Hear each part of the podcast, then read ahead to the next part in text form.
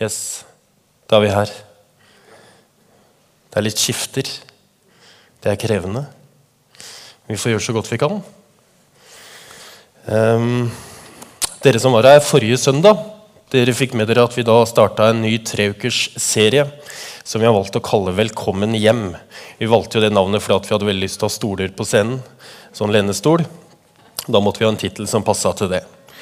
Ehm, men i denne serien skal vi møte søskenflokken Lasarus, Maria og Martha. Og så møtte vi Lasarus forrige søndag, og for mange av oss så var det en krevende opplevelse. Fått, det er sjelden jeg får så mye eh, tilbakemeldinger og SMS-er og sånt etter en tale som det jeg gjorde da. Eh, så det var krevende for mange av oss. Og Hvis du ikke har hørt den, så ligger den ute på skienmisjonskirke.no. Eller hvis du er på podkast, så kan du liksom søke opp Skien misjonskirke, og så kommer alt ned på telefonen din. Um, ja. Um, og så, når du går ut herfra i dag, så vil du i døra få et oppfølgingsark. Og så kan du lure på hvorfor i all verden skal jeg få det. Men det er fordi at der står det noen spørsmål som det går an å være uenig i. Eh, og egentlig alt som står, Men poenget er at du skal ta det med hjem. Og så, så, ønsker vi at du skal snakke med familien din om det, men ikke minst så ønsker vi at du skal ta det med i en smågruppe som forhåpentligvis du er en del av. Og, eh, også at du skal snakke om det der. Og hvis du ikke er i en smågruppe eller ikke aner hva det er, så spør du meg eller Torbjørn Glenna, ungdomspastoren som sitter med hvit genser og rekker hånda i været nå, eh, om hva det er etterpå. Og så vil du få eh, mer informasjon om hva en smågruppe er. Jeg kan jo si at En smågruppe er en gruppe med mennesker, 6-12 personer som møtes noen møtes en gang i uka, andre, de aller fleste møtes annenhver uke, og så er det noen som møtes tre hver uke, og så møtes de hjemme hos hverandre, hvor de deler liv eh, og snakker om det vi snakker om på gudstjenestene her, og ikke minst snakker sant om hvordan det er å leve og være menneske. Yes. Et hjem er eh, viktig. Det er noen som sier at 'borte bra, men hjemme best'. Det sier vi mange av oss. Men det å ha et hjem og liksom følelser knytta til det er noe av det kjæreste vi har. Eh, og det er viktig for oss. Så handler ikke det bare om et hus eller en leilighet eller en adresse. Eh, men det handler om et sted som vi tilhører, og som vi egentlig har vår identitet, og hvor vår identitet skapes. Fordi vi kan kjøpe et hus, men vi må skape et hjem. Vi kan kjøpe et hus, men et hjem må skapes. Eh, det må fylles. Skulle jeg bare si at jeg hadde rota i papirene? Det hadde jeg ikke. Martha og Maria og Lasarus hadde bestemt seg for at de skulle ha et hjem som ikke skulle være lukket, men at det skulle være et åpent og gjestfritt hjem for alle mennesker. Eh, og Hjemmet til Martha Maria og Lasarus ble på en måte hjemmet til Jesus når han var borte. Fordi Han bodde egentlig i Kapernaum, og så var han ofte nedafor, som vi sier her i Grenland.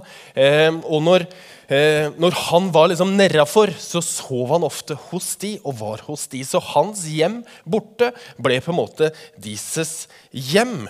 Eh, og Noen av oss har jo sånne hjem borte. Jeg vet ikke om du har et sånt hjem, eh, men det hender jo det at når vi er borte, så kommer vi steder hvor vi føler oss hjemme. Er det liksom noen som har det sånn? Eh, og Det kan jo være steder hvor vi besøker ofte, eller noen steder som vi besøker sjelden. Men det er liksom samme senga, samme dyne, samme dynetrekk. Og så lurer vi på når vasker du det egentlig. Og det er samme frokost. og Det er liksom, det er noe av det samme. Så har jeg en venn i Grimstad, en god venn som heter Gjermund Igland, som, eh, som eh, jeg har vært hos. Og der, Første gang jeg sov der, så fikk jeg prinsesserommet. Og I prinsesserommet så var det rosa, og det var liksom bilder av Justin Bieber på veggene. og det, der, der følte jeg meg hjemme. Jeg vet ikke om det var pga. at jeg var rosa av Justin Bieber, men av en eller annen grunn så følte jeg meg hjemme der, selv om jeg var borte. Og jeg vet at neste gang jeg kommer dit, så skal jeg be om å få prinsesserommet igjen. Fordi vi kan ha noen sånne hjem borte. Skien misjonskirke er jo et hjem. Og vi er jo ikke så nøye på om man er misjonsforbundet eller pinsevenner. eller hva man er. Vi er ganske rause på den måten.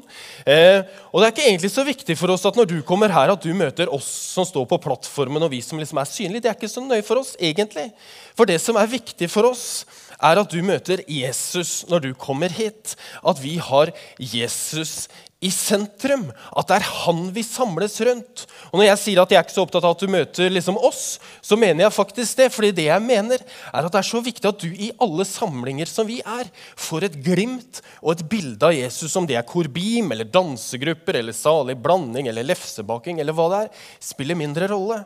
Men at i de sammenhenger du går her i, at du får et glimt av Jesus. Det er jo sånn at De eneste som bor fast i dette huset, hvis du lurte på det, det er jo noen som bor fast her, de har jeg besøkt én gang, og du er velkommen til å besøke de etterpå. Det er noen svære rotter og mus som bor i kjelleren. Og så er det noen veldig store edderkopper, spesielt omkring en varmtvannsbereder nede i kjelleren. Så der er, vil Birger lede an i en sånn visning etterpå, for da har jeg mye annet å gjøre. Så er jo spørsmålet da hva gjør en kirke til en kirke? Er det liksom spiret? Er det sånn bygningen sånn det ser ut? Er det liksom alterbordet og, og plattform og, og, orgel? Hva er det som gjør en kirke til en kirke, egentlig? Det som gjør en kirke til en kirke, dere, er jo Jesus. Det er jo det som gjør en kirke til en kirke. At det er han vi samles rundt. At det er han som er i midten. Martha og Maria og Lasarus var jo tre søsken. De hadde samme opphav, men de var veldig forskjellige. Og Sånn er det også for oss som er her. Vi er veldig forskjellige. Det er jo derfor vi har valgt å ta liksom utgangspunkt i tre, de tre folka. Eh, for vi har ulike tjenester, vi har ulike gaver, ulike personligheter og er forskjellige.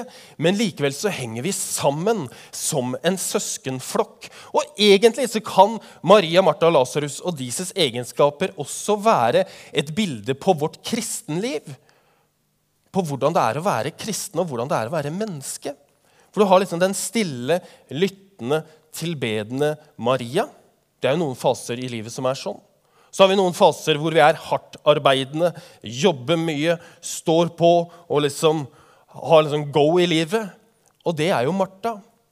Og så er det kanskje noen stunder i livet hvor vi opplever at vi går rundt som levende mirakler for hva Jesus har gjort i livene våre. At vi bare i form av at vi lever og eksisterer, kan være et vitnesbyrd for hvem han er, og hva han har gjort.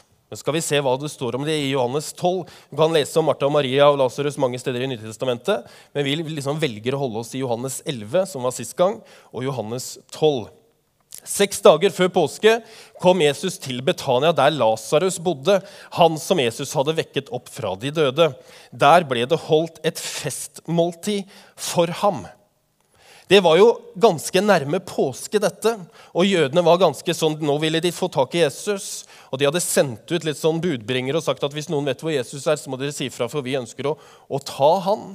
Og da var det jo sånn at det å være sammen med Jesus akkurat i denne tiden var litt sånn risikofylt. Eh, men allikevel så ønsker vennene hans å arrangere en fest for Jesus. Og det syns jeg er flott. Og så viste det seg egentlig at Hjemmet til Martha, Maria og Lasarus ble for lite, så de leide seg inn hos en som het Simon, som var kjent som den spedalske, litt lenger ned i gata, for der var det god plass. Men hva slags fest var dette? Jo, det var en fest for festens skyld. Jeg vet ikke hvordan eh, du er på å feste, men jeg tror det er bra å feste. Rett og slett for festens skyld, fordi det er så mange hverdager og jeg tror at vi som, er, som menighet skal bli bedre til å feste rett og slett bare for festens skyld. På grunn av det. Og det beste med fester som er fester for festens skyld, eh, altså som ikke er en fest pga. et jubileum eller en konfirmasjon eller bryllup, eller sånne ting, er jo at vi kommer rett og slett fordi vi vil. Ikke fordi vi må. Og en sånn fest var dette. Dette var også en fest med hensikt. Fordi vennene til Jesus de ønsket å ære han og hylle han og arrangere en sånn ordentlig fest for han. Og de hadde jo god grunn til det, fordi han hadde jo akkurat vekt opp Lasarus fra de døde. Og det er jo vel verdt en god fest. Og så fest, Nå skal jeg si at jeg er jo ikke et sånt voldsomt festmenneske. Men jeg vet det at fester kan utvikle seg. Og det som egentlig var liksom hensikten, kan bli litt sånn usynlig. Og så har jeg tenkt på Kanskje det var litt det som Maria opplevde. At Peter, han som alltid tok stor plass, tok liksom hele rommet. Kanskje hun ble litt irritert. Og kjente, vet du hva, Peter, nå må du slutte. Altså nå, Hvor er, blir av Jesus? liksom? Han forsvinner jo helt i alt dette pratet og alt dette støyen som du holder på med.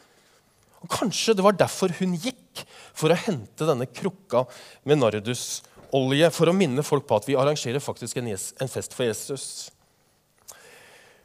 Ja, jeg sa det at jeg, en, jeg, representerer ikke en voldsom festkultur. Jeg går ikke på veldig mange fester, og jeg arrangerer ikke mye fester. Så det, så, men jeg skulle ønske da, at vi som fellesskap skulle bli bedre på det. Hvis du lurer på hvem i all verden i vår menighet er god på å feste, så har jeg svar på det. Er det noen som svetter litt ekstra nå? De som er gode på å feste hos oss, det er Beam. Beam fester før hvert semester og etter hvert semester, altså to ganger hvert semester, stort sett hvert år. Og der er det en voldsom festkultur. Så hvis du har lyst til å komme liksom inn i et sånt, for du synes her er det for lite fest, men du har lyst til å komme et sted hvor det er masse fest, så må du bli med som leder i BIM, for der er det fest. Så hadde jo vi i høst vi hadde en medarbeiderfest, og for dere som var der, så var jo det virkelig en fest. Det var et matgilde uten like fra, fra um, Mathuset Skien. Jeg hadde liksom overbooka litt mye på maten, så vi fora liksom Skien Diakonale Senter en uke og romfolket ganske lenge. Um, men det var en god fest, vil jeg si. Så er det jo noen som vil si at årsmøtet er en fest. Men til deg som opplever det, så vil jeg si at hvis du opplever årsmøtet i Skien misjonskirke som en fest, så fester du for lite. Altså, du skal, det, du skal jo komme på årsmøtet, det er ikke det. Du er hjertelig velkommen til årsmøtet, det er viktig. Men hvis fest for deg er budsjett og regnskap, det kan jo hende, så fester du for lite. Så er det sagt, Men kom på årsmøtet, altså. Når vi feirer gudstjeneste, dere, så feirer vi gudstjeneste med hensikt. Fordi det er en som vi vil feire, det er en som vi vil hedre, og det er en som vi vil ære. Og noen tenker må vi alltid ha en sånn lovsangspolk etter talen? Er ikke det litt sånn pesete? Er ikke det litt lenge? Og så er det liksom to, tre, fire sanger hver gang. Er ikke det litt mye, da? Og så mye trommer og musikk og liksom strømgitar og alt. Er ikke dette litt mye? Og så må vi stå, og så må vi sitte, og det er så mye åpent. Er ikke litt mye med dette? Vet du at Lovsangen i gudstjenesten, som vi stort sett knytter liksom sånn veldig tungt på slutten av møtet, det er egentlig for å minne oss om at vi feirer gudstjeneste med hensikt. At det er en vi ønsker å ære, og det er en vi ønsker å tilbe. Og så er det til hjelp for oss. Og så er lovsang også bibelsk. Det står i Salme 60, det står jo masse om dette i Bibelen, men det står bl.a. i Salme 66 Rop med jubel for Gud, hele jorden. Spill og syng til ære for Hans navn. Gi ham pris og ære. Så gudstjeneste med hensikt det handler ikke bare om at vi går på et møte, men vi feirer gudstjeneste fordi det er en vi ønsker å hylle, ære og tilbe. Ok? Henger dere med? Det står videre Martha vartet opp, og Lasarus var blant dem som lå til bords med han. Lasarus trengte ikke å gjøre så mye mer enn det, egentlig, for han var jo vekt opp fra de døde. Men akkurat som Lasarus er invitert til å sitte ved bords sammen med Jesus eller ligge til bords, så er du også det. Du er velkommen hjem til å ligge eller sitte til bords med Jesus. Ja, det står i Lukas 14, 15 at salig er den som får sitte til bords i Guds rike. Hvorfor går vi på gudstjeneste? Jeg har jo sagt det.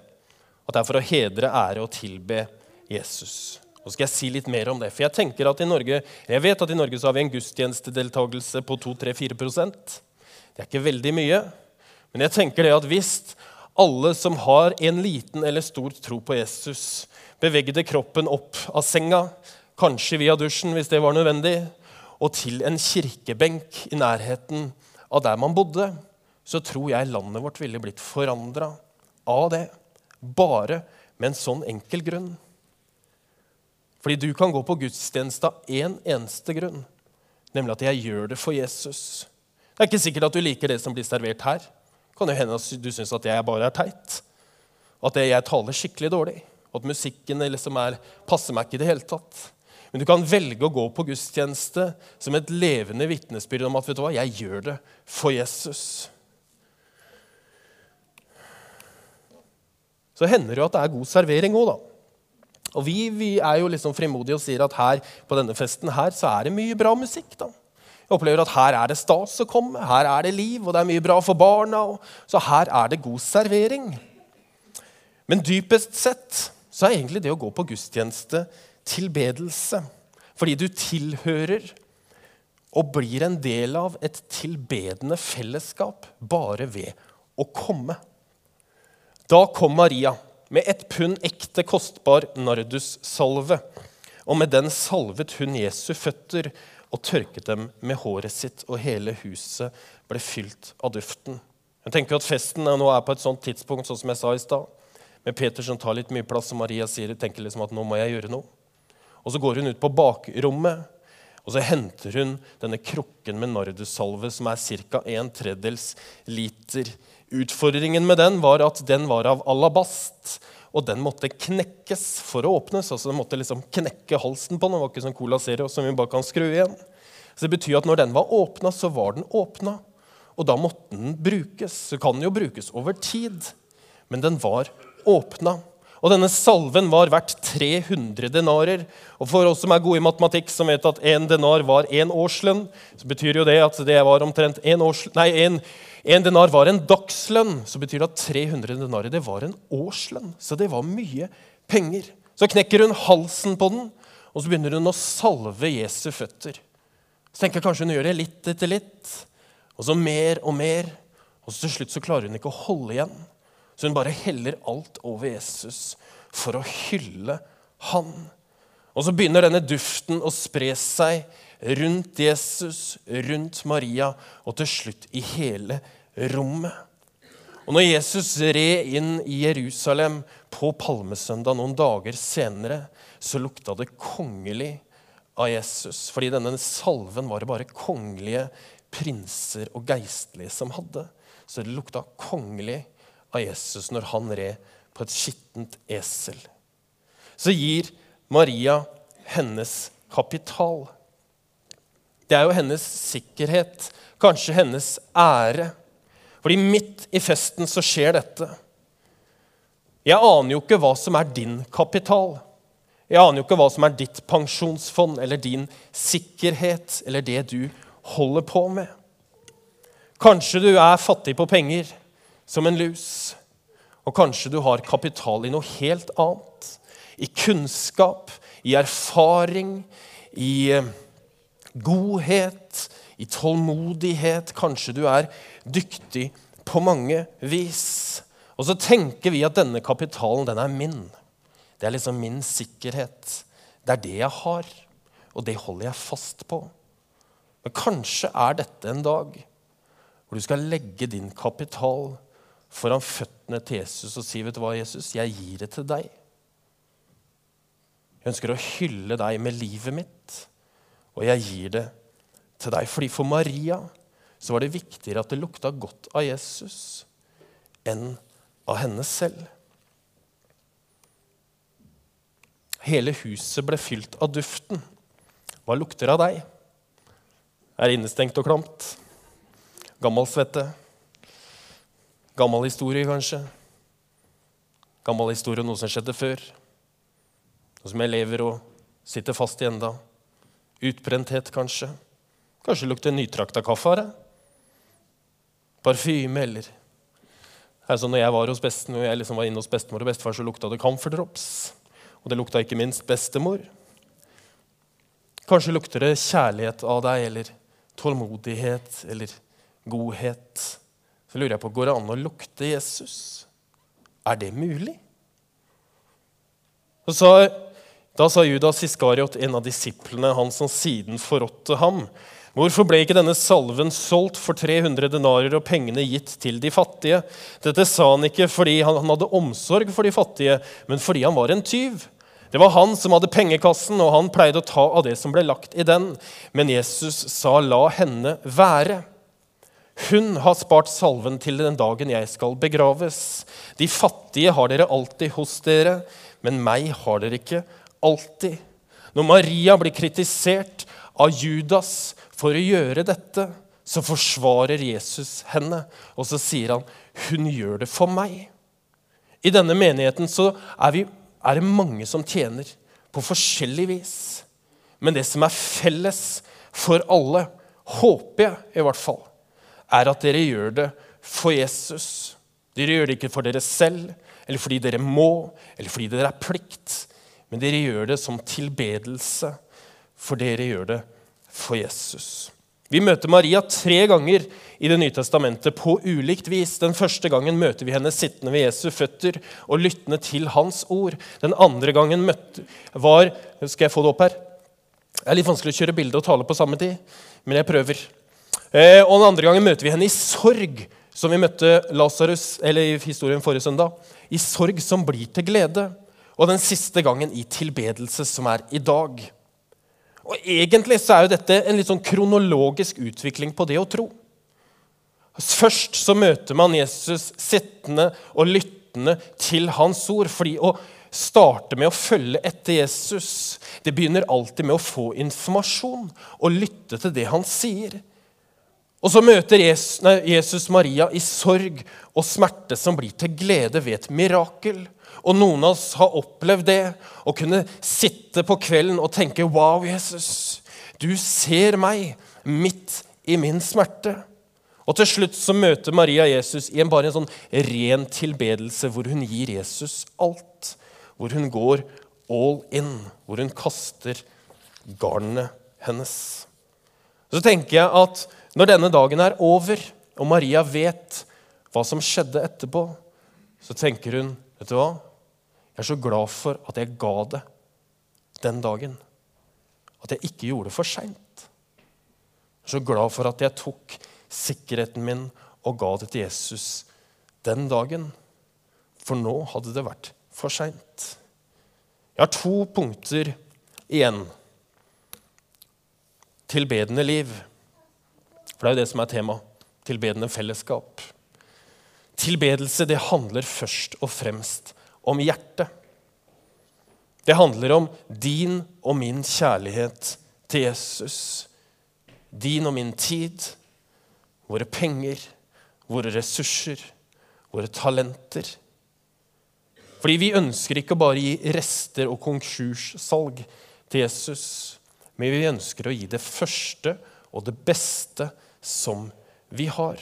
Derfor handler tilbedelse om hjertet så handler også tilbedelse om prioriteringer. For den teller ikke timer og spør hvor mye eller hvor lite, eller hvor lite kan jeg gi. Den spør ikke hvor mye er det mulig for meg å slippe unna med. Den spør hvor kan Gud bruke meg nå? Hvor kan han bruke meg? Så gir den ikke kun restene, men den gir det beste som en har. Så handler tilbedelse om at Gud er viktigst, at Jesus er sentrum, at han er førsteplass, og at alt annet kommer som nummer to. Tilbedende fellesskap handler om et fellesskap som bidrar med det beste vi har, med våre liv, rett og slett for å ære, hylle og tilbe Jesus. Så er dette et fellesskap vi står sammen om. Det betyr at det er et fellesskapsprosjekt. Og så er det et fellesskap med identitet. At et tilbedende fellesskap er vårt DNA. Det er liksom hele grunnlaget. Det er vår drivkraft. Og det er vår selvfølgelighet. Så er det et fellesskap som du kan komme til akkurat som du er. Med dine gaver, med dine feil, med dine styrker, med dine tap, med ditt liv. Og alle er velkommen hjem til dette fellesskapet. Fordi først og fremst så handler tilbedelse om et liv hvor vi ikke kaller ting for mitt, men hvor vi lever for å ære og tjene Jesus. Så hender det at det er noen som utfordrer oss ved å gå all in og gi alt. Fordi middelmådighet, det utfordrer jo ingen. Gjennomsnittet utfordrer jo ingen. Men når vi går all in, da utfordrer oss. Så hender det jo det er noen som vil bli misjonærer. Det hender det er noen som også vil gå i kloster. Hender det er noen som vil gjøre ditt, og som vil gjøre datt. Og så kan vi tenke men det var da veldig, da.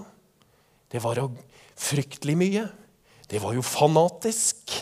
Er, det, er han riktig klok, liksom? Hva er dette for noe? Han som virkelig gir alt. Som prioriterer på den, på den måten der. Så tenker jeg, tenk hvis vi ble kjent som en menighet som ga, som bidro, som hjelper til, som står i gapet, altså som står imellom og holder på.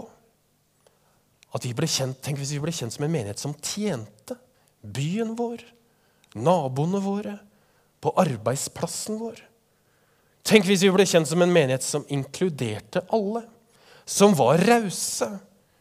Som var gode vertskap. Tenk hvis vi ble en menighet som ble det de tre verdiene våre er. At vi ble pulserende. At vi ble utadvendte. Og at vi ble reale så skal jo vi selvfølgelig være en menighet som er her for å hjelpe deg med dine behov. Og Det er jo viktig for oss å ta dine behov på alvor. Og Når vi skal lovsynge Gud sammen, så, er, så gjør vi noe av det hver søndag i denne lovsangsbolken, hvor vi tenner lys som et symbol på kanskje deg selv eller noen du er glad i. Så kan vi skrive en bønnelapp og legge i bønnekrukka, så ber vi sammen om det. Så kan du sende inn bønneemner til menighetskontoret på Post Skien misjonskirke. Du kan ta kontakt med oss sånn som du føler for, og som er riktig for deg. Vi skal være en menighet som tar hånd om dine behov. Så kan du komme fram på slutten av gudstjenesten på vår høyre side, og så kan vi be en velsignelsesbønn for deg, eller be en bønn for det behovet du har. Men det som jeg har lyst til å utfordre deg til, er dette tenk hvis vi som menighet ble et tilbedende fellesskap som så oppover og utover mer enn vi så innover. Tenk hvis. Og så har jeg lyst til å utfordre deg til en helt konkret ting som vi gjør veldig sjelden her hos oss. Og det er det at Vi er i en inngang til et nytt år, et 2015. Og Det ligger jo liksom kanskje en åpen kalender, kalender eller en full kalender, alt ettersom. Og så har vi alle drømmer og tanker for nye, dette nye året. Det jeg vil utfordre deg til, er Og så skal jeg si en bisetning til. Det er fordi at når vi, når vi ser tilbake på livene våre, så er dager som har vært omtrent like, de går i ett. De husker vi ikke så godt. Men det vi husker, dere, er når det er noen dager hvor vi har gjort noe helt konkret som skiller seg fra det som vi vanligvis gjør. Noen av dere husker en gang som vi gikk gjennom en åpen dør her oppe på plattformen. Det var helt spesielt enn det vi vanligvis gjør. Og nå er du sikkert livredd for hva jeg skal si som, som du skal gjøre nå. Men jeg skal, ikke, jeg skal ikke tvinge deg til noe som helst. Men det jeg vil utfordre deg til, er at når vi skal reise oss nå etterpå, når vi skal synge sanger sammen, så er det mulig å ta et steg ut fra der du sitter. Og så er det mulighet for å komme bare fram hit. Bare som et tegn på at dette året som ligger foran nå, Jesus, der vil jeg gå all in. Jeg vil gi alt jeg har, til deg. Jeg vil gi livet mitt, jeg vil gi pengene mine, jeg vil gi utdanningen min, jeg vil gi jobben min. Jeg vil gi deg alt. Fordi jeg ønsker å ære deg og tjene deg og hylle deg med livet mitt. Skal vi be. Herre, takk for at du er her. Takk for at du kjenner alle våre behov. Og du vet hvordan vi har det. Du vet hva vi kommer fra, og du vet hvor vi skal hen etterpå. Så ber jeg Jesus om at du skal være nær oss nå. At vi skal se livet vårt i et perspektiv hvor vi kan tilbe deg som enkeltpersoner med livet vårt og i et tilbedende fellesskap hvor vi er sammen. Jeg ber, Herre, om at du skal gi oss visdom til å vite hva vi skal gjøre med det vi har hørt. Og så ber jeg om at du gjør oss modige til å faktisk gjøre det. I Jesu navn. Amen. Skal vi reise oss? Skal vi synge sammen? Det jeg ikke sa, for å ikke være forvirrende, men for å være klar, er at hvis du velger å gå fram her, så er det ingen som kommer til å gjøre deg noe. Det er ingen som kommer til å ta på deg. Det er ingen som, som kommer til å si noe til deg.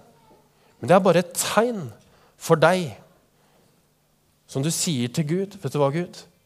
Jeg ønsker å gi 2015 til deg.